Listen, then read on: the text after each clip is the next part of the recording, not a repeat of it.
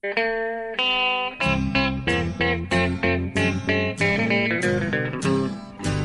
out there, we're on the air. It's hockey night tonight. Tension grows, the whistle blows, and the puck goes down the ice. The goalie jumps and the players bump, and the fans all go insane. Someone roars, Bobby scores at the good old hockey game. Oh, the good old hockey game is the best game you can name. And the best game you can name is the good old hockey game. Hallå, hallå, hallå! Fantastiskt varmt välkomna ska ni vara. Det är NHL-podd-dags igen. Det är avsnitt nummer 55 den här veckan och eh, vi ska kötta på här, för både jag och Bjurman vill ju se Capitals mot Rangers som är natt om eh, bara 50 minuter vi börjar spela in där. Så vi ska försöka hålla tiden för en gångs skull. Hur är läget Bjurman? Jo tack, det är bra. Eh, återigen har vi det här upplägget. Det var ju lika förra veckan. Då, då hindrade du mig från att se en Detroit-match var det väl då? Ja, exakt. Eh, det, det var inte så populärt. Nej, men vi, vi, vi klarade det ju. Det gick ju bra. Och den här gången har vi inte fullt lika mycket att babbla om som då. Nej, Annars så är det jättebra. Eh, Det är ju...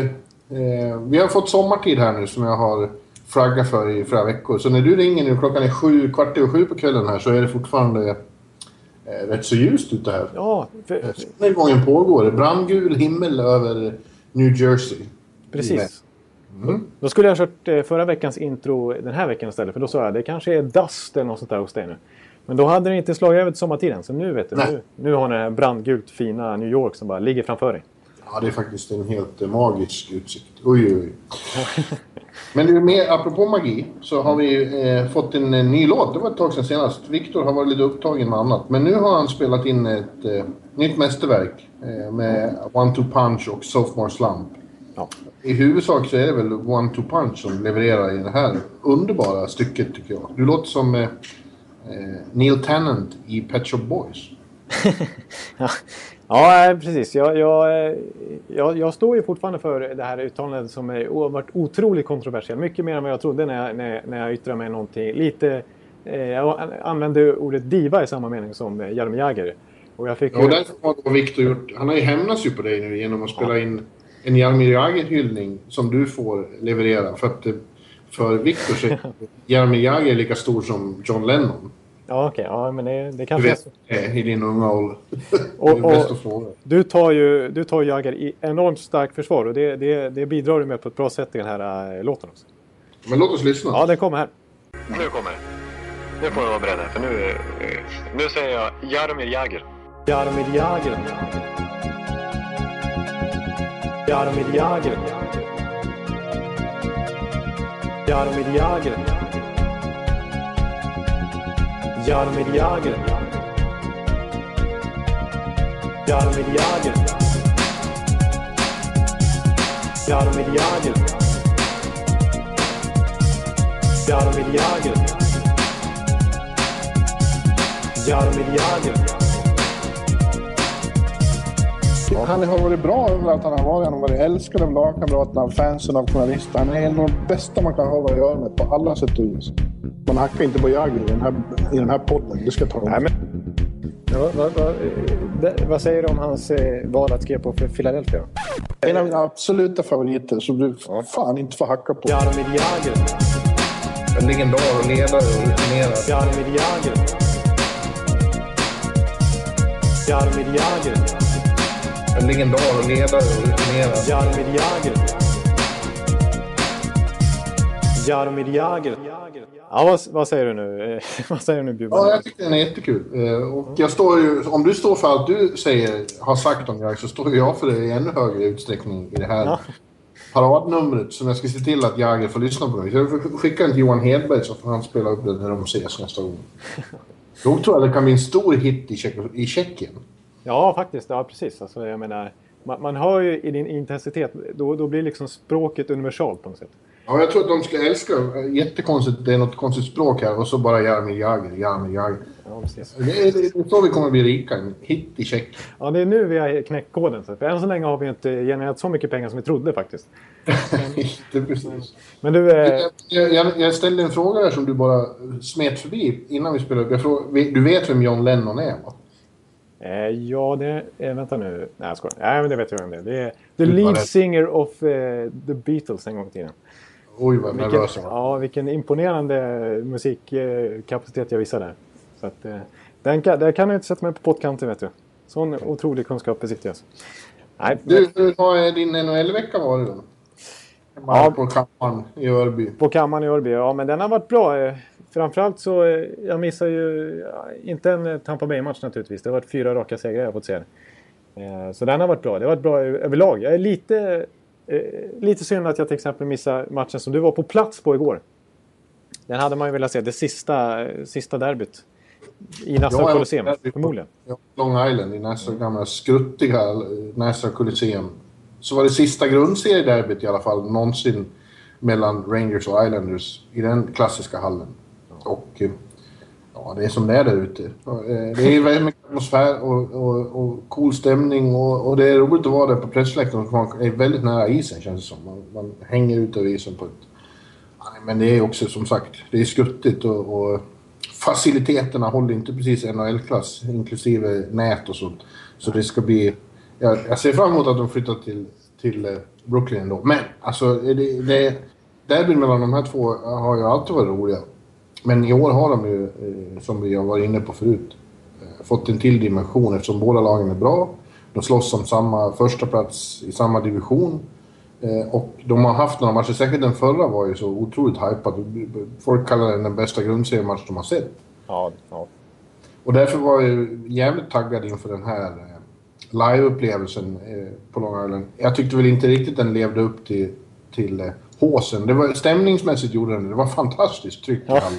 Och utanför hallen. Det var ju så tailgating och sånt där före.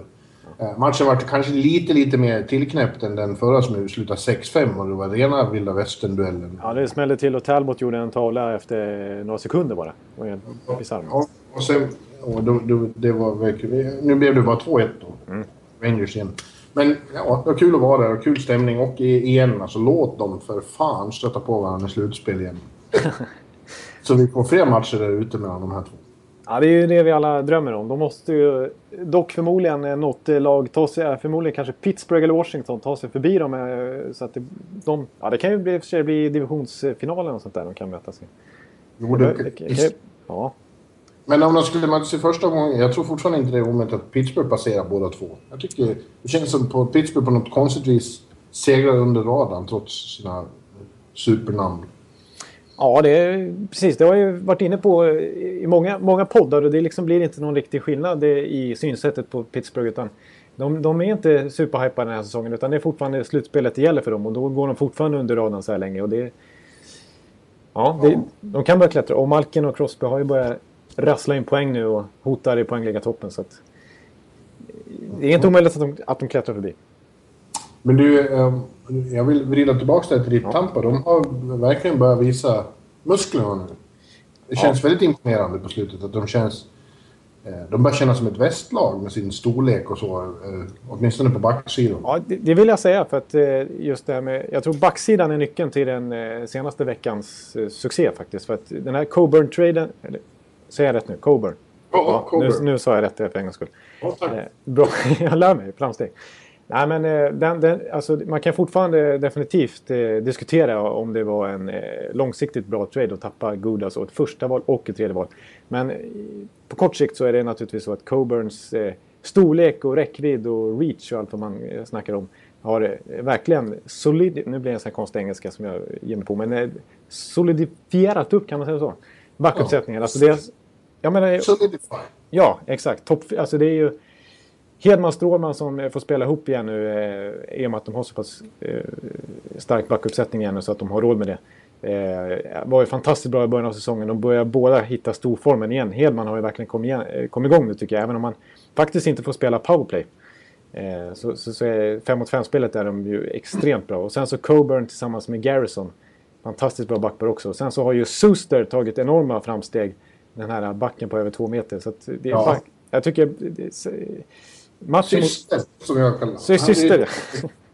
Syster, syster, ja. Ja, så att jag tycker, och det har vi ju pratat om under säsongen med många lag som varit framgångsrika. Hur viktigt det är med en backsida som dels den här storleken som just Tampa besitter men också det här eh, snabba uppspel och, och inte fastna i egen zon utan kunna skapa den här eh, farten i spelet redan bakifrån. Eh, så att, mm. och det tycker jag verkligen att är en nyckel till Tampas anfallsspel. Sen har de ju en fantastisk fartoffensiv där också. Och det, det var ju ganska stor... Eh, nu är jag ju part i målet där, men det var ju faktiskt lite klasskillnad mot Montreal som dock fortfarande behåller första platsen i, i öst. Men rent spelmässigt så var det ju det var ju till exempel 78-35 tror jag i skottförsök. Ja. Eh, så kallad corsi då. Eh, och, eh, så att den stora nyckeln för, för Montreal eh, och som ju Twitter svämmade över igår det var ju Carey Price. Hans, hans eh, bid för att bli MVP, vinna Hart Trophy, den förstärktes ju verkligen igår för att han var ju Montreal igår. Han, det var han som... Ja, det där är lite intressant. Han är, nu känns det som att han är nästan helt given Vesina-vinnare. Ja. Pekarina har tappat lite på slutet. Precis, Pekarina har varit mänsklig och för någon månad sedan så sa ju alla att Pekarina skulle vinna det där priset. Det lär bli bra. Men det är som du säger, han kanske är aktuell för Hart också. Vi, vi, vi, hade inte det här på vårt så kallade körschema men jag tänkte på det här om dagen att det är sällan det har varit så ovisst om vilka som ska bli nominerade. Eh, som sagt, Vesina är väl rätt givet nu då, att, eh, att Price vinner. Men Norris, Hart, eh, Selke, eh, det är ganska... Och Calder med för övrigt. Det är väldigt öppet om ja. de individuella priserna. Ja, faktiskt. Det, det, det, är väldigt mycket så. Det brukar ändå utkristallisera rätt, rätt bra den här tiden på året. Vilka... Jo, det brukar vara ett självklart en eller två som leder poängligan. Eller som slåss om... Men nu är det så in helvete jämnt i poängligan. Det är ju i princip tio man som fortfarande har bra chans på något sätt att vinna poängligan. Det är så pass ja. jämnt där i toppen. Så att, eh, visst, Bäckström gör en fantastisk säsong. Ovechkin är på väg mot 50 mål minst den här säsongen igen. Och Tavares ja. gör det bra. Eh, Crosby och Malkin har fina säsonger faktiskt. Även om kanske inte i toppen av sin karriär. Men det är, så, så att Hart-priset. Eh, jag, jag, jag, måste nog ändå säga, för ska man definiera... Ibland, oftast går det ju till den bästa spelaren liksom, i ligan. Ja, precis. Eh, men, precis, men, men det prisets motivering är ju, något, är ju ändå den mest värdefulla spelaren. Eh, och då tycker jag nog att, eh, att Price, alltså med tanke på att de faktiskt leder hela den konferensen och gör så pass få mål. Toronto gör fler mål än vad Montreal gör. Sen är ju deras spel lite uppbyggt på en stark defensiv och så. Så att det leder ju inte till så mycket mål i alla fall kanske. Men det är, ju inget snack om att det är Carey Price som är den absolut bästa spelaren och den mest värdefulla spelaren i laget som gör att de ligger där de ligger. Så är det ju bara. Ja, det ska bli intressant att se när de nomineringarna så småningom kommer. Men Norris då? Det finns ju inget självklart där heller. Nej, precis. Det, det kanske är... Och det, där hade ju Mark Giordano lite otur tycker jag. Han har för sig tappat lite sista månaden. Han inledde så enormt starkt. Men ja. eh, det kanske är äntligen, om vi får säga så, eh, Shea Webbers tur. Ja, kanske. Men, eh, men nu ska jag ha klart för att eh, det är journalister som röstar om det här. Och på sina håll journalister som kanske inte följer eh, väldigt många röstar bara på den som har fått mest poäng. Och eh, det vet vi ju vem det är som har mest poäng av eh, backarna. Det är Karlsson och Letang som slåss i toppen där. Så att Erik kan i högsta grad bli aktuell igen. Webber ligger faktiskt bara på tionde plats i backarnas poängliga. Ja. Och ja, eh, Nashville har en lite negativ trend verkligen nu med... Så de bröt visserligen med nöd och näppe med en straffseger mot Arizona men Eh, ja, det skulle vi ta upp. Ja. Vad har hänt med Nashville då?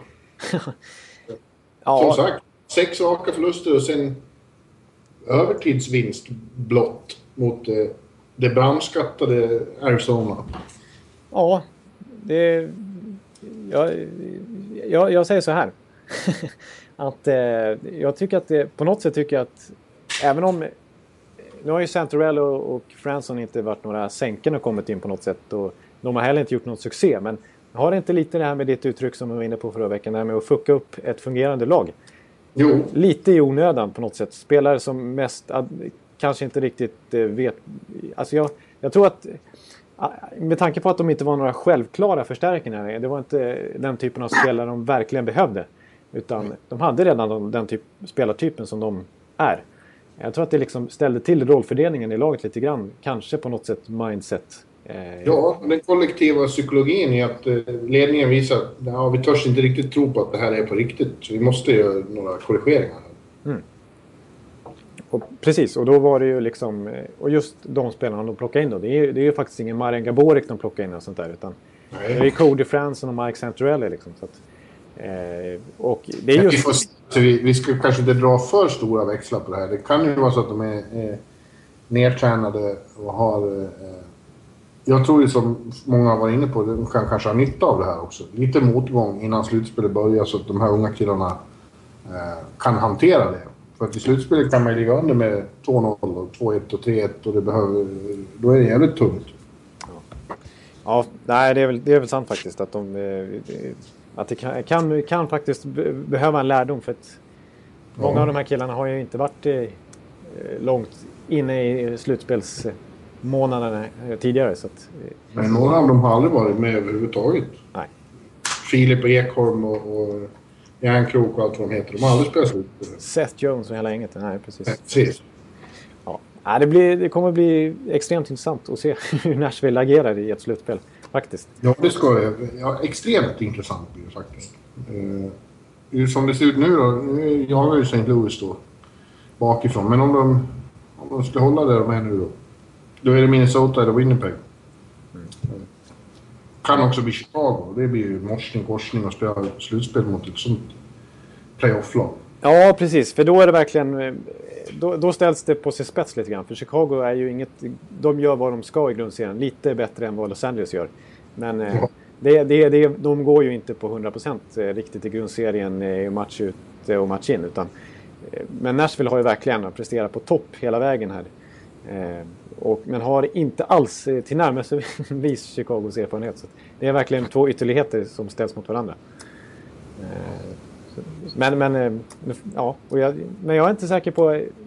Nu kan, jag- kommer Nashville bounce back, det tror jag. jag en, en statistik som jag vill nämna som, som ett komplement vill jag bara eh, inflika så att inte du blir för upprörd här.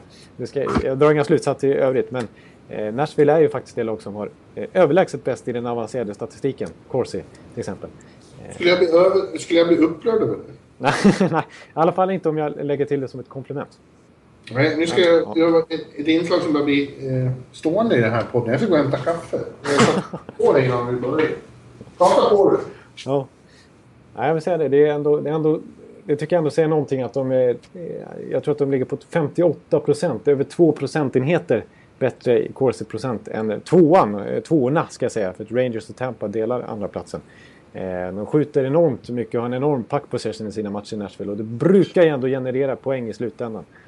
Eh, Och det visar ju ändå på bredden i laget. Så att jag tror ju att Nashville kommer bouncea back eh, vad det lider. Även om det sett riktigt rassligt ut faktiskt senaste matchen. Ja, men jag tror också att de kommer bouncea back innan, innan grundserien är över. Men jag, jag håller två fingrar i kors vad gäller slutspelet sen när det börjar. Ja, det Inte mycket. Nu vet du, jag har en kaffekopp eh, som det står. eh, En, från Texas. Snyggt. Don't mess with Texas, står det. Ja. Det borde Zach Ronaldo ha hört innan han skadade John Klingberg här ikväll. Ja, just det. Ja, Det den, är aset. det är aset, det, det kan vi nog säga eh, båda två faktiskt. Ja. ja, det kan vi. Jag tror, jag tror att de flesta faktiskt är överens. Även Flyers-fans. Pontus, Pont, en sån som Flyers-fan Pontus Wernbloom till och med tror jag kan ha eh, små sympatier för eh, Rinaldo faktiskt. Ja, det tror jag också. Jaha, du, vad har vi mer på programmet? Vad skulle vi mer diskutera? Det är du som har körschemat tror jag. Ja, jag, alltså jag, vi, vi, vi måste ändå diskutera lite, lite längre ner i tabellen i båda konferenserna egentligen hur det ser ut kring strecket. För att det är vi, tvingas vi ju, eller tvingas, men vi går in på det varenda vecka. Men det, det, läget förändras ju lite hit och dit hela tiden och det är ju naturligtvis väldigt intressant. Vilka lag ska gå till slutspel? Ja. Vi sa för en månad sedan ungefär att vi trodde att det var, att det var sett i östra konferensen. Ja. Men det, eh, det har ju spetsats till lite då i alla fall ett tag. Att Boston sjönk tillbaks och eh, framförallt Florida och sedermera även Ottawa kom, kom rusande bakifrån. Men nu senaste veckan så har ju Boston eh, skaffat sig lite marginal igen. Framförallt så vann de ju då eh, igår från när vi spelade in det här mot Ottawa och det var ju en extremt viktig match för båda lagen. Ja. Nej, det, exakt. Det var för Ot- Senators ska jag säga. Eh, är verkligen det lag som, som nästan seglar förbi Florida i, i, i utmanarlistan nästan. De, Florida har ju fortfarande någon poäng mer än Senators. Ja. Men, men eh, det faktum att de vann så många matcher i rad och att eh, på ett så imponerande sätt mot, mot eh, de lagen de gjorde också, till exempel Anaheim och Los Angeles och så vidare. Då, då kändes det som att det här kan ju faktiskt bli en sån här bragdartad comeback-säsong av Ottawa än en gång. Ja. Eh, och, eh, men så förlorade de faktiskt mot Boston. Det, och det, det håsades ju i Ottawa-media upp som en, eh, alltså som en slutspelsmatch i princip. Det kändes ju så viktigt. Alltså, ja, i alla fall. Om de hade vunnit där då hade de alltså haft 73 och Boston 77. Där var det fyra poäng. ja, Nej, 76. 76 till och med. Mm, Tre poäng hade det varit. exakt. Hela skillnaden. Jag tror faktiskt Senators har en match mindre spelad också. Ja, exakt. Exakt. Det har de. Så att det, det var ju eh, väldigt svidande för dem. Det kan ju ha chansen försatts där. Men å andra sidan, Boston är så konstiga. Så varje gång vi tror att de har kommit igång, då har, det har vi sagt hundra gånger här. Då har de tillbaka igen. Ja, precis. Jag vet inte. Det, det känns som de, med kniven mot strupen som det har blivit nu, kanske fixar det här. Nu ska de möta Florida tre gånger eh, under en månad som återstår. Ja, Det, är gan- jag tror det är precis en månad idag som eh, vi har kvar av grundserien. ja det är nog det. Är det 15 nu? Nej, vad är det för dag? Nej, det är Det är den elfte idag. 12. Ja, det är några dagar till. Okej. Ja, det. Ja, men i alla fall. Det är månad. Och de ska mötas tre gånger och där, det, där skulle Florida kunna vända på det här. Ja, de... De vinner alla de tre, då är de i kapp. Ja, faktiskt. Förutsatt att de håller... Håller ställningen i övrigt. Ja, exakt. Nej, men det, jag håller med dig, för du, du lägger en brasklapp direkt där att så fort Boston har sett bra ut den här säsongen så har de ju tappat nästan lika fort. Men det, det faktum att till exempel Tuukka Rask står på huvudet som han gjorde mot Ottawa och räddade en 39 skott där. Ja. Eh, och faktiskt eh, har jobbat till sig en, en, en fin procent nu. Han är uppe på över 92 procent totalt över säsongen. Och faktiskt spelat stort i viktiga matcher nu. Eh, och till och med, eh, alltså, de har ju fått igång lite spelare i brist på typ, eh, till exempel skadade Krejci där. Alltså, Lou Eriksson gjorde ett fantastiskt mål mot... Ja, gjorde han. Ett fantastiskt mål. Eh, Ja, Loa kom igång överhuvudtaget. Han gör mål hela... Han har gjort tre mål på fyra matcher nu och det är viktiga matcher och viktiga mål. Ja, nej, han, han har faktiskt verkligen steppat upp. Till skillnad från Söderberg som fortfarande som spelar rätt bra i spelet tycker jag. Men han har faktiskt gått mållös i 20 raka matcher nu. Ja, hans produktion kom av sig lite. Men jag tror vi kan i alla fall slå fast det. Det är vad det handlar om i öst. är bara den där sista wildcard-platsen. I övrigt så är det nog ganska klart. Borde vara. Så vill ingen får något totalt sammanbrott. Och nu kan vi väl för eh, med 100% avskriva Zach Rinaldo och Philadelphia Flyers från den striden. De Ja, hade det tror jag. De är i ännu högre grad. ja, precis. Nej, de är för, för ojämna. De är inte tillräckligt bra den här säsongen. Så är det bara. Nej, de skulle behöva... Alltså... eh, De måste ju vinna allt som återstår. Det, det gör ingen av dem. Nej. Nej. Det är, det är den där Boston som är jagade av Ottawa och Florida. Washington tror jag sitter väldigt säkra ändå. Ja, det tror jag också. De, de spelar så pass bra också. Jag, tycker, jag har ju till och med förra veckan, jag namedroppade dem som en contender i, faktiskt. Ja. Eh, Jag tycker de ser så pass starka ut med den backuppsättningen och med Holtbys spel den här säsongen och med så stekheta forwards i Ovechkin och Bäckström så kan det ju räcka. För en gångs skull, de brukar ju ta ganska tvärstopp för de är i slutspel också. Så. Ja, och, sen, och Buffalo håller ställningarna i botten. Ja visst, de gör det Starkt perfekt. Ja, exakt. Chad Johnson blir, kommer dit och ska... eh, Ja, blir skadad direkt. Perfekt. Ja, men du, i väst är det ju betydligt mer av ett så kallat getingbo. Ja, det är ett riktigt getingbo. Där känns det på allvar eh, väldigt svårt att, att sia faktiskt. Ja, det känns som eh, Vancouver, Calgary, eh, Winnipeg, Los Angeles, San Jose. Colorado, där, alltså det är tråkigt med Colorado för de har börjat spela riktigt bra på slutet tycker jag. Men att det ska vara så långt upp Ja. eh, gör det besvärligt för dem. Varje förlust eh, känns som, ja nu, nu tog det slut. Det känns som Ja, de det blir exakt. De, de, har inte råd med, de har inte råd med några liksom, eh, bump, bumps on the road helt enkelt. Utan de måste gå spikrakt upp då för, för att de ska... I det här tvåpoängssystemet så går det så pass långsamt framåt. Ja. Och sex poäng upp till... eh, Nej.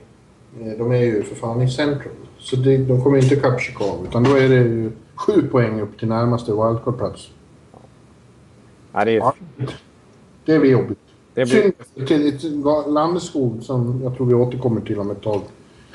Var det till exempel enastående på slutet. Ja, verkligen. Och då, eh, tyvärr fick de ju Nathan McKinnon skadad för förmodligen resten av säsongen. Men annars så var de ju inte några tydliga sellers direkt i deadline. Utan de kändes ju som att de fortfarande trodde lite på det. Nu vet man ju inte riktigt hur diskussionerna gick där i general manager-rummet. Men eh, de behöll ju John Heida till exempel. De skickade för sig Max Talbot men fick en ganska etablerad Jordan Caron i utbyte.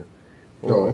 De behöll ju eh, flera av sina lite äldre rutinerade spelare. Och Riley är fortfarande kvar i laget. Så att, Ja, Dallas får det också svårt. De har en poäng eh, färre, en poäng mindre. Ja, får det- ännu svårare. det känns- samma sak där. De har ju spelat väldigt bra emellanåt, men haft för, för djupa och för långa svackor. Ja, precis. Seguin kom ju tillbaka när jag fick se han eh, helt plötsligt vara tillbaka mot eh, Tampa Bay här eh, i veckan. Efter, han skulle vara borta i sex veckor, eh, uppemot sex veckor sa så var han tillbaka redan efter ja, tre, fyra veckor någonting. Ja. Eh, och gjorde ju två riktiga klassmål första han gör liksom. Eh, så att eh, hade de haft några poäng till så hade Dallas kunnat, och då hade de nödvändigtvis inte släppt Cole till exempel heller vid deadline, utan då hade de faktiskt kunnat vara med här fortfarande. Det som gör det lite infernaliskt här känns ju att det är så många av de här Pacific-lagen som är indragna. Ja. Eh, man kan hoppa från eh, understrecket upp på andra och tredje plats i, i, i divisionen snarare än bara jaga wildcard-platser. Ja, ja det, absolut. Så är det. Och, eh, ja, det är jävligt svårt att se om vilka som... Jag, jag är för positivt överraskad av Vancouver måste jag säga. Som jag tycker... Jag får hela tiden... Nej, det är något som inte... Det är något som saknas där. Och så fortsätter de vinna i alla fall och har 80 poäng nu. Ja, de har hemmaplansfördel i slutspelet just nu. Ja, De ligger ju tvåa där. precis. Ja. Eh, så ja, de kanske kan... Ja, jag vet inte. Och Calgary har man ju trott nu då skulle falla ihop med Giordano, men de har fortsatt spela väldigt bra. Fantastiskt när de kom ikapp mot... eh, Ja, det var ju åtta va? Ja, de, fyra mål i sista perioden. Fyra ja, fyra mål i sista. Det är inte första gången. De hade en sån mot Los Angeles tidigare i år. Då låg de väl under med 3-0 och vände till 4-3. Kanske finns Ja. fler exempel med Calgary. De har ju varit, framförallt har Calgary varit ett, i likhet med Vancouver faktiskt, två av seriens kanske absolut bästa bortalag. De Ja. är ju fantastiska på bortaplan. Calgary har ju varit på en eh, östturné här nyligen och vann ju tre raka matcher mot eh, Philadelphia, Boston och Detroit. Detroit slog de ju med 5-2 och sånt där. till och med. Så, ja. Men sen är det ett... Minnesota tror jag eh, börjar hamna på riktigt fast mark. Det är nästan så de... Chicago får se upp. Ja, det- bakifrån. Det var bara det- tre poäng. Chicago kan komma upp på divisionsplats där. ja, precis. Alltså Minnesota har ju verkligen gått on a roll här alltså. De var ju li, minst, alltså de låg ju efter Dallas åtminstone va? För någon månad sedan. Eh, och nu är de alltså, har de ju mer poäng än Vancouver. Men de är ju i en annan division då. Så att, men Vem eh, trott detta? eh, Att någon skulle säga jo, ett lag kommer att värva Dubnik. Han att rädda säsongen. What? Jag, jag skäms ju åt... Alltså mina, mina Minnesota-profetior är ju märkliga den här säsongen. För att inför, inför så sa jag ju att... Eh, jag höll ju dem som en contender. Jag tyckte Minnesota såg hur intressant ut som helst. Jag gillar deras spelsätt. Jag gillar Mike Joe. Jag, jag gillar deras lagbygge. Eh, deras eh, kombination av ungdomlig entusiasm och stjärnglans. Eh, det här kompletta bygget. Jag har ju hyllat lite anonyma backar som Marcus Scandella och Jared Spurgeon till exempel.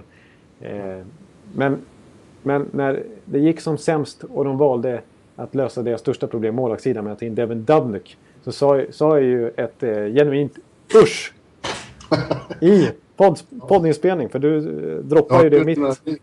du dina usch. Ja, precis. Det, det, det, bara kom spontant. Jag, trodde, jag tyckte det var liksom eh, waste of eh, liksom, eh, lösning. Det, var, det kändes lite desperat på något sätt. De, de, jag tyckte de skulle göra, behöva göra en mycket fetare, långsiktigare lösning. Kanske offra upp någon av sina talanger för att ta någon riktigt etablerad keeper. Och så tar de Devin Dubnyk som hade varit kass i flera år i princip. Och, eh, eh, kändes som en liten fluk i Arizona där. Men eh, som varit inne på, han fick ju en nytändning där. Sean Burke eh, som älskar att coacha stora målvakter hittar ju något, eh, uppenbarligen någon nyckel där för hans spelsätt och han har ju varit helt otroligt bra. Och det är till och med så att vissa eh, hävdar att Devin Dubnyk ska vara med i Hart-diskussionen. Alltså.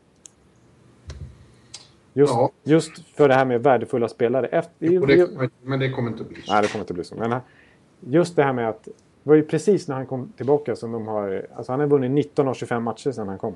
Ja, det är väldigt starkt. Och väldigt oväntat. Och väldigt kul. Jag tror Minnesota klarar det. Däremot så ser det lite tungt ut plötsligt för Winnipeg. Framförallt för att de har tappat Bufflin och han blir borta, blir borta hela säsongen. Han ska bli borta... Ja, jag tror inte det är så hårt i alla fall. Men eh, det är inte helt säkert att han kommer tillbaka innan grundserien är över. Väl, i alla fall. Utan det är ett par veckor åtminstone garanterat. Eh, Och även, även, de har ju haft lite, alltså jag tycker de har haft mycket små skavanker. Brian Little har missat några matcher och tidigare var Blake Wheeler borta och Perrow är borta resten av grundserien. Så att, eh, och de har fått laborera ganska mycket uppställningar och gjorde ganska mycket trader där med när de fick in Tlusty och Stempniak på deadline day till exempel. Att, eh, Ja, men det, är, det, det, ja. blir, ett eh, race för dem.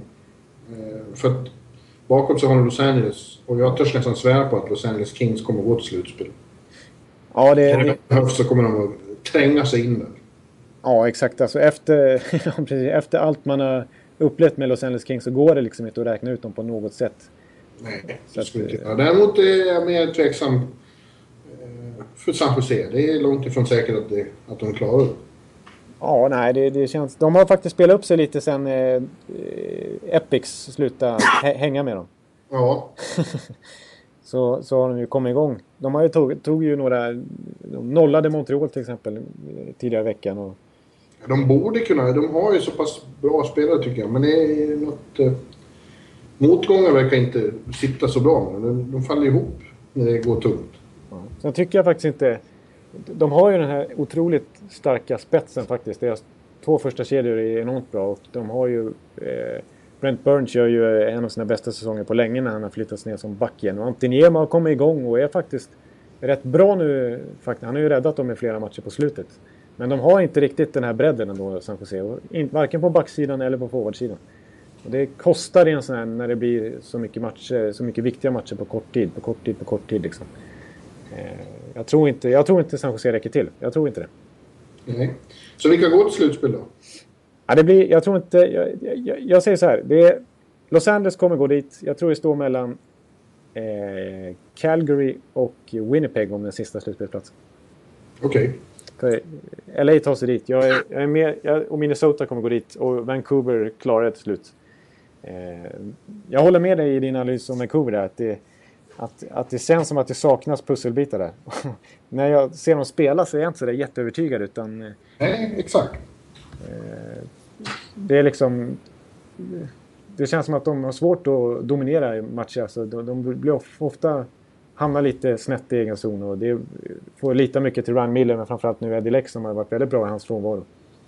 Eh, till, för, bra för dem är i alla fall att både Chris Tanev och eh, Alex Edler är ju tillbaka i gott slag och spelar väldigt bra.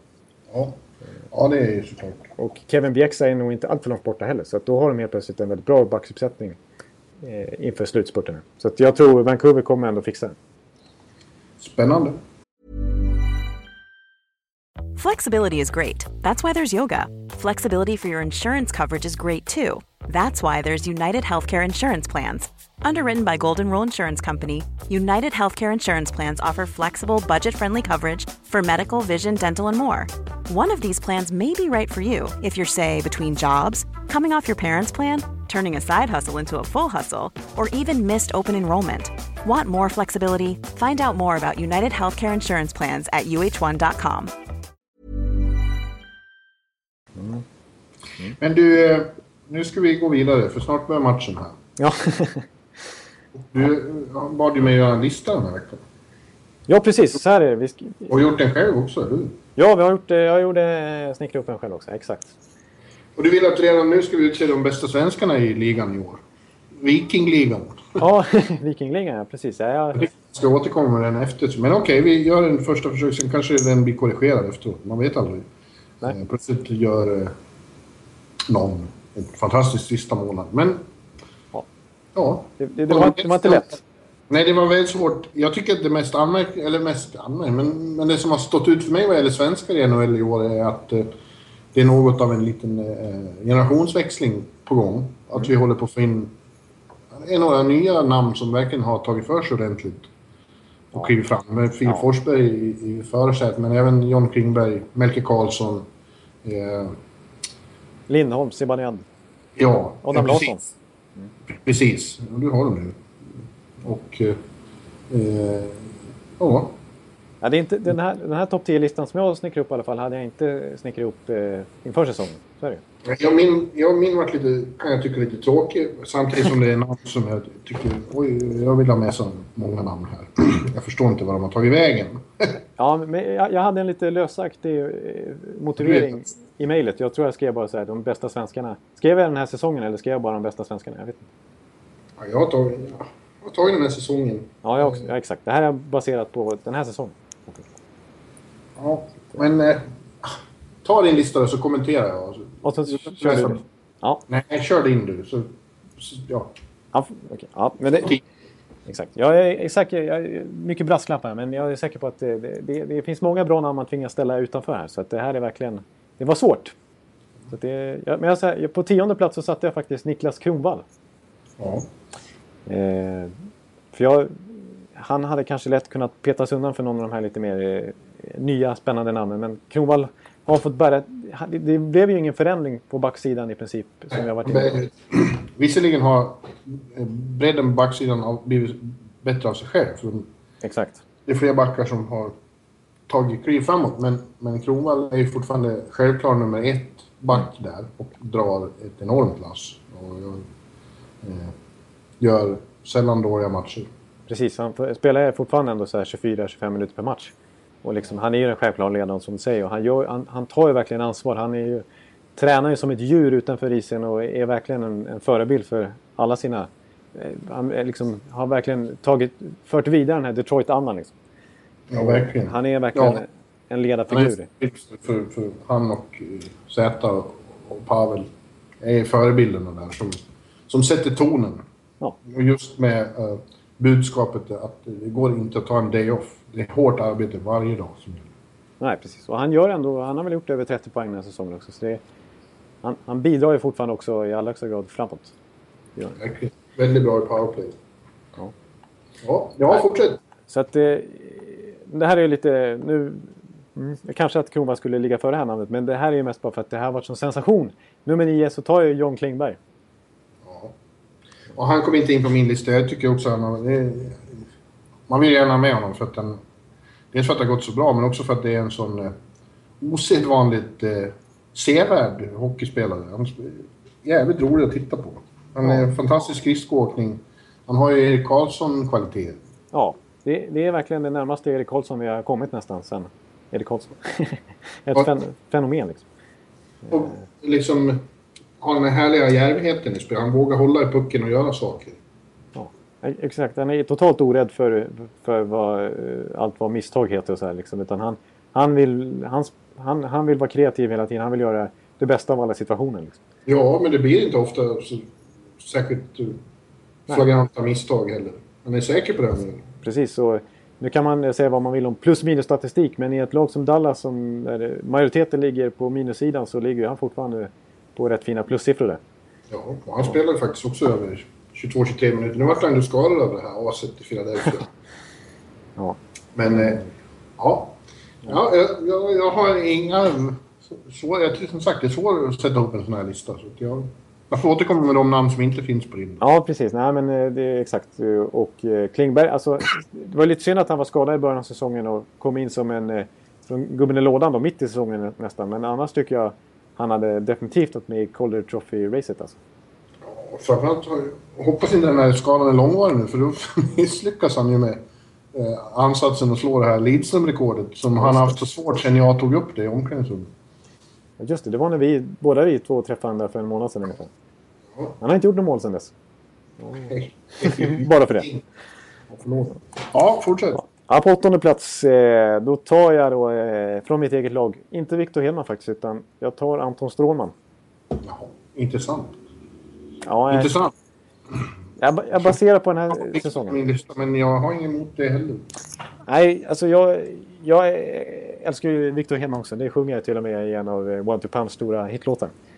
Eh, Men eh, jag är så imponerad av Anton Strålman. Eh, Alltså det, han får ju faktiskt spela powerplay också i, i Tampa fortfarande. Liksom. Det, är, det är han som är, styr ena PP-linan Och framför, framförallt så är han ju extremt solid defensivt. Alltså, han gör ju inga misstag whatsoever. Alltså, han, är ju, han, är, han har grym kontroll över sin kropp. Liksom, hur, hur, hur han ska, när han ska gå in fysiskt, när han ska eh, sträcka sig istället. Och, alltså, eh, han fattar liksom till 99 procent rätt beslut hela tiden. Det är, han är så smart hockeyspelare så det finns inte. Alltså.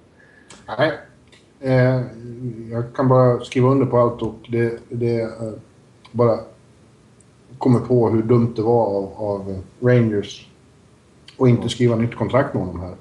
Nej. Eh, de hade, det tror jag vi sa redan förra veckan, de hade inte behövt göra den här traden som de gjorde nu, dyrbara med eh, Yandel, som har varit so-so får vi säga sen han kom hit. Eh, om, de, om de hade behållit Stålman och Vigneault hade fattat att han eh, går att använda offensivt också, till exempel i powerplay.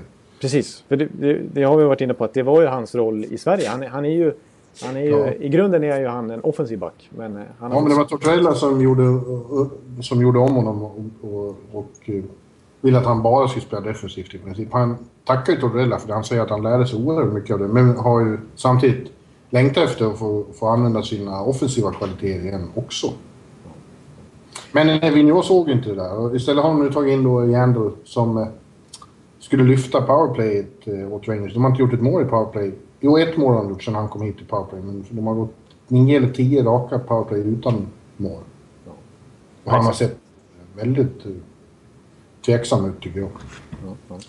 Ja, men, eh, alltså 4,5 miljoner, det blev lite budgivning från honom, hans eh, lön där, alltså mellan flera klubbar som är intresserade. Så att just nu, men, så att då var man lite osäker på vad det eh, värdet på det kontraktet egentligen. Men nu känner jag att det förefaller som ett extremt bra kontrakt. Alltså, skulle han gå ut på den öppna marknaden den här sommaren med tanke på den säsong han gör så här långt. Så det, jag skulle kunna betala 6-6,5 miljoner dollar per säsong för en sån back. För han är så pass bra och så pass viktig. Har du de pengarna Jonathan? Ja, precis. Ja, men det är klart pengar. Du betala fler middagar här. Ja, okej. Okay. Jag, jag, jag, jag var lite... Lite... Men jag vill bara skjuta in att jag hade Viktor på min lista här då, får jag erkänna. Eh, men jag börjar med för dina argument du ser mer av dem. Men jag tycker att det, eh, Viktor började säsongen helt makalöst. Sen kom den här skadan, det tog ett tag att komma tillbaka. Men nu, eh, utan att poängproduktionen kanske har blivit lika eh, fantastiskt som den såg ut i början då. Men som han själv konstaterade när jag tog upp det, att ja men då hade jag ju sju poäng på tre matcher. Hade han hållit det snittet, då hade han slagit eh, nästan Gretzky-rekord. Ja, just det. Ja. men, men jag tycker att hans spel har varit riktigt, riktigt stabilt de sista två månaderna.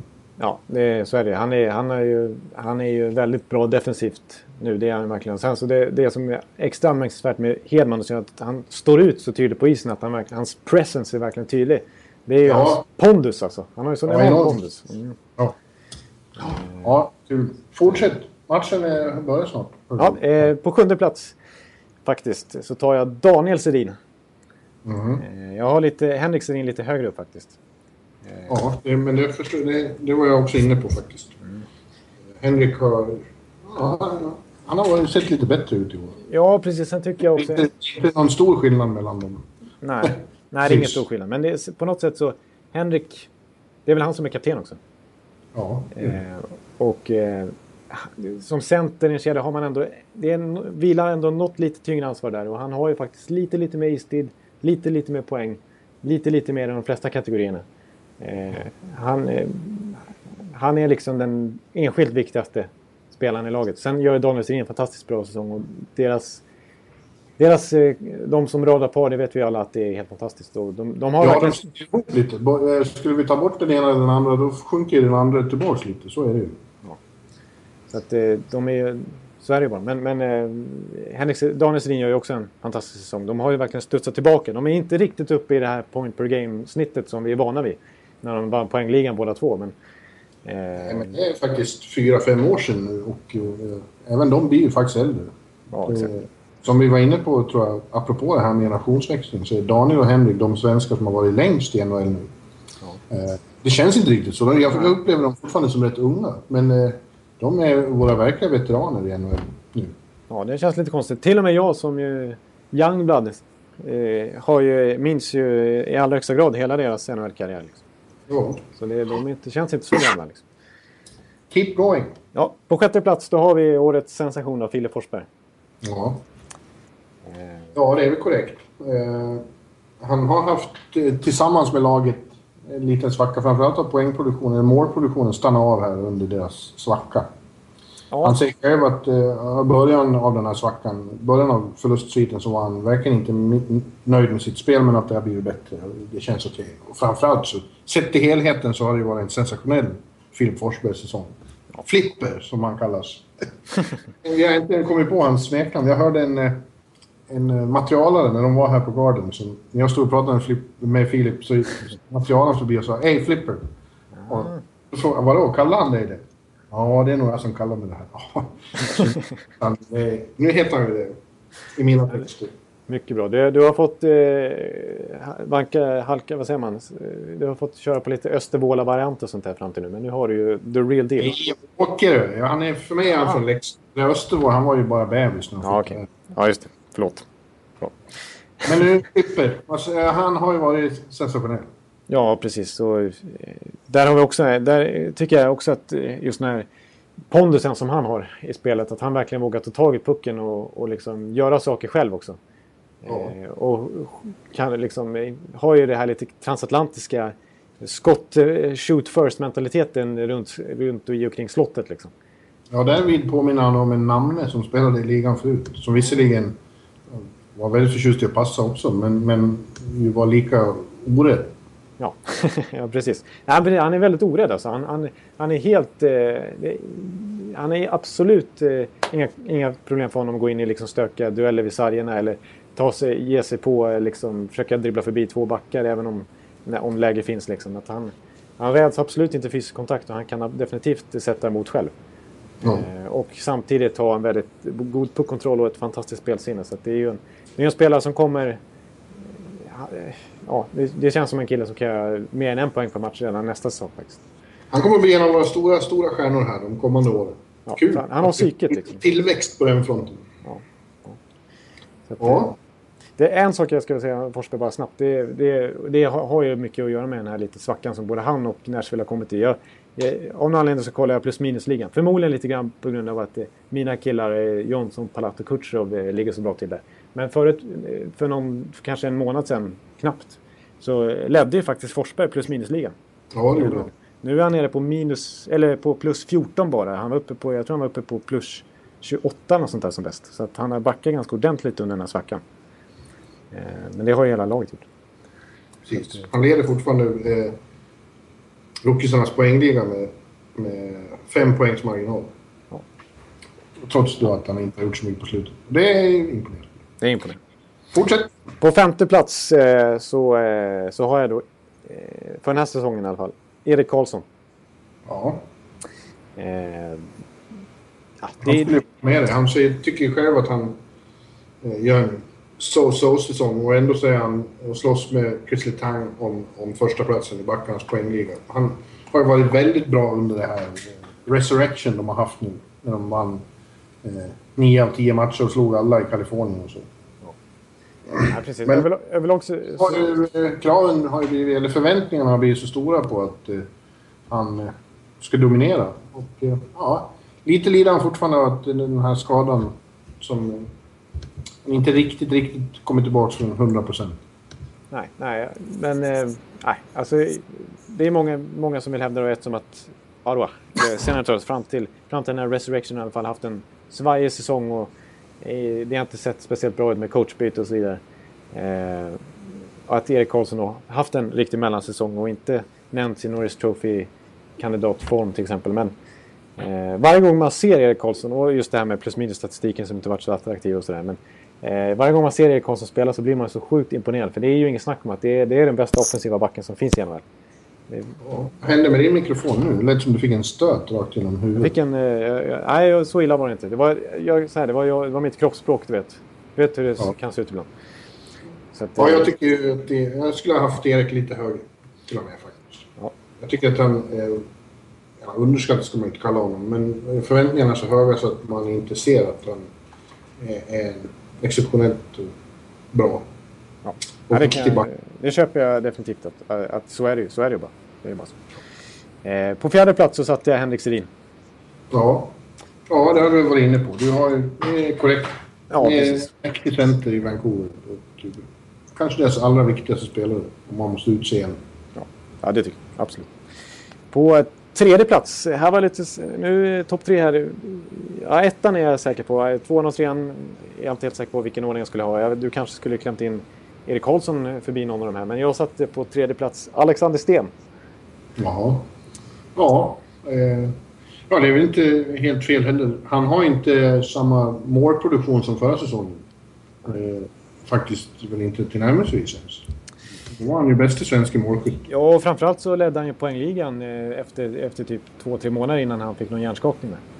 Ja. Han var ju fantastiskt bra. Men, eh, Å andra sidan så eh, fyller han ju på ett utmärkt sätt. Är en lite annan roll känns det som lite i, i St. Louis. Att de har så komplett lag så de behöver inte... De använder inte spjutspetsar på det sättet. Om Nej. du förstår vad jag menar. Ja, nej, de, är, ju- de, är också, de har inte den här bärande kedjan på samma sätt. Utan de, har ju, de rullar ju på fyra kedjor och alla kan producera. Ja. Framförallt de tre första. Så att, eh, Han behöver inte dra lika tungt lass på den fronten. nej, nej, exakt. exakt. Så att, eh, de, har inte, de har inte en powerplay-kedja som spelar 1.45 liksom heller. Utan de, de, de, de kan till och med rulla på tre kedjor nästan i powerplay. Så att, eh, men men eh, just, sen, sen vill jag säga lite samma sak som Erik Karlsson där. Alltså, Sten, man kan tycka på siffrorna att det, det, han är fortfarande bra. Han gör ju mycket poäng den här säsongen också. Men att han kanske inte sticker ut sådär extremt mycket. Men det är också, varje gång jag ser St. Louis och Sten så är han så är jag också så imponerad över hans... Jag tycker han har bra teknik också. Bra klubbteknik alltså.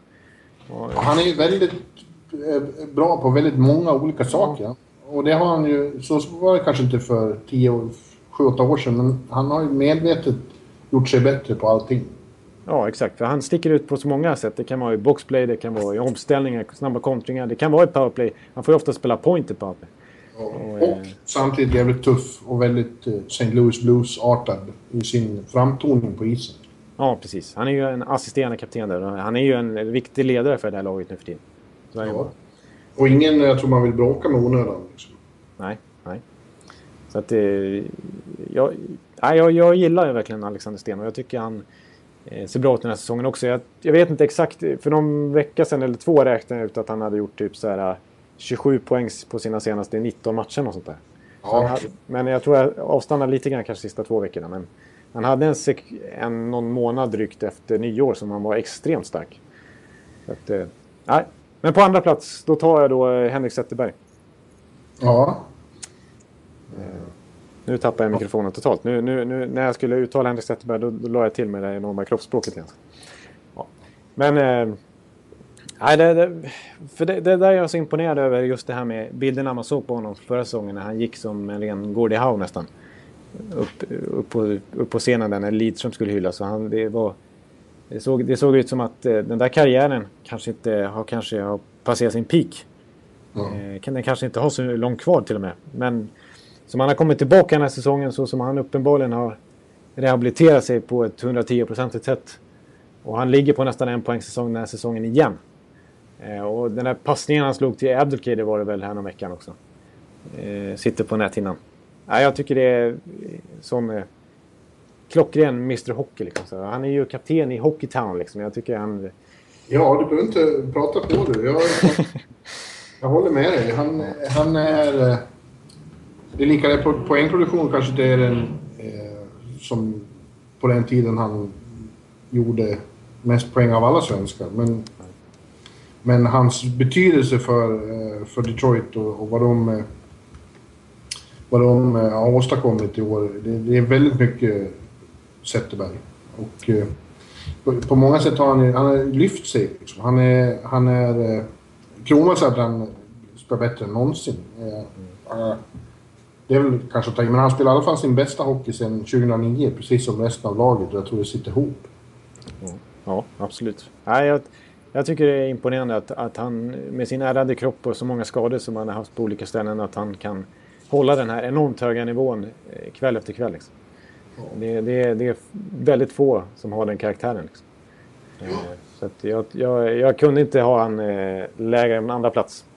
Nej, det har inte gjort. Men sen har du då på första plats, så skulle jag tippa att du har Niklas Bäckström. Ja. ja, det är ju lite beroende på att han är, faktiskt leder poängligan och så pass bra att han är, har en god chans att vinna den till och med för hela NHL. Han leder den svenska poängligan. Så men eh, han gör ju en... Eh, han, gör ju, han brukar ju ligga på den här poängnivån. Han har ju legat här flera gånger tidigare i karriären. Men nu har det varit lite extra... Det blir ju tuffare och tuffare uppenbarligen att komma upp eh, nära, närmare 100 poäng i NHL. Ja. Men han är en av de eh, som verkligen hotar det allra högst upp i poängliga-toppen. Och framförallt så... Han, han och Ovechkin har ett fantastiskt samarbete naturligtvis. Ovechkin gör så mycket mål och vissa kan ju hävda, det har jag varit inne på flera gånger, att Bäckström kan få någon andra assist här och där. Men eh, på, på grund av det. Men Ovechkin skulle absolut inte vara så bra utan Bäckström. Det är, den kombon är ju magnifik. Liksom. Ja, det har vi det, Som sagt, det förekommer någon slags debatt om det. Om, om att eh, Beckis tjänar på att spela med Ovechkin. Det är klart han gör. Men Ovechkin tjänar på att spela med Beckis också. De är ett, med en perfect fit. Och eh, eh, Niklas är en... Utan tvekan en av NHLs bästa playmakers. Ett av de bästa hockeysens eh, som finns. Ja. Ett enormt spelsyn. Så det är en klockren etta. Och, eh, det tror jag, så tror jag vi kommer att säga när säsongen är slut också. De namn jag möjligen saknar på din lista, eh, och då, framförallt ska jag säga Gabriel Landeskog. Som har varit, framförallt sista eh, månaden här, har varit enormt produktiv och eh, bra. Ja, det kan jag inte säga emot. Eh, Senaste månaden har han verkligen varit fantastiskt. Så är det bara. Han, som han själv känner, säger, han känner att det kan bli mål varje gång han är inne på isen. Han har ett enormt självförtroende, ett enormt flyt. Men okej, det kanske inte var lika precis i början, men... men eh, Colorados lilla lyft har handlat mycket om att Landeskog har varit så bra. Vilken, vilken plats eh, kuppar du in han på då? Nej, jag vet jag, jag, jag säger inga platser här. Jag ser också eh, att Henrik Lundqvist eh, har ju nu varit borta en månad, så jag förstår att du inte tänker på honom. Men när han har varit som bäst så har han ju självfallet varit en av Sveriges bästa spelare. Ja, så är det. I förbigående nämner jag också Patrik Hörnqvist och Gustav Nyqvist. Ja, absolut. Eh, Hörnqvist har ju... Han får ju lira med Crosby nu såklart. Det, är klart att det ger han lite extra. Men han har ju verkligen... Han har ju... Han har varit en bra pusselbit i Ja. Pittsburgh-pusslet där också. Vad de saknade, en sån eh, Holmström-typ i nätet. Men han gör ju också mål utifrån. Ja. Ärligt frejdig hockeyspelare. Ja, precis. Det, det är just den, den... Han är ju inte bara en målskytt så, utan han, han är en Holmström-kille framför mål. Och han, han, är, han kan användas i alla situationer egentligen. Är, Ja. Och eh, absolut. Gustav, Gustav delar eh, ledningen i svenska målligan med just Hörnqvist. Det är de som har gjort 22 och Filip Forsberg har gjort 21. Så att Gustav Nyqvist kan man inte bara förbise heller. Nej, som inte har råkat ut för någon SS. Säger jag bara. Portland, nej. Och gjort några riktigt fantastiskt vackra mål. Inte minst när han åkte ett par varv runt i Ottawa som innan han gjorde Ja, just det. Det fantastiskt klassiska målet. Ja. Ja, men eh, vi är inte osams i alla fall. Nej, och vi, vi nämner ju inte heller Oliver Ekman Larsson som har gjort mest mål av alla Ja, det backar. har du rätt i. Oliver skulle, kunde man också... Men du, nu har matchen i Verizon Center börjat jag på TV. Då, eh, Så, time to wrap this up. Det är time to wrap this up. Eh, Vi får... Eh, nu säger jag nummer 55, är det det? ja, precis. Vi håller ju en timme något eh, magiskt fint här den här Ja, veckan. men då återkommer jag gärna på, på rak arm säga Niklas Kronwall. Ja, just det. Precis. Du sätter ju den som en smäck. Det är ingen snack om att Niklas Kronwall... Ja, precis. Bra. Eh, det finns några bra backar som har nummer 55. Det är ju ett lite populärt sånt nummer. Även Johnny Boychuk har ju nummer 55. Ja, ja, honom tycker jag väldigt mycket om också. Johnny Boom Boom. Ja, ja det har vi sett i bloggen. Eh, Ja. Braydon Coburn har tagit det numret i... Coburn har tagit... ändra det han säger. När du har sagt det bra en gång så kommer det Ja, jag fel. kände direkt att där förstördes ju hela mitt... Braydon Coburn. en timme förgäves. Ja. Coburn heter han, ja. Eh, eh, sen har vi lite spännande unga. Matthew Dumba som har tagit plats i Minnesota. Rasmus Ristronen i Buffalo. Sergej Gonchar, en riktig ålderman. Eh, Mark Scheifele i Winnipeg. Ja, men den enda som kan mäta sig med Kronwall här är Johnny Boychuk. Ja. Ja, jag, ja, jag, jag hävdar nog Kronwall ändå faktiskt. Ja, det gör jag. Vi säger så. Och genom, du- tiderna, genom tiderna så kan vi i alla fall nämna... Det finns det är Larry Murphy, Ed Jovanovski, Keith Primo, Jason Blake.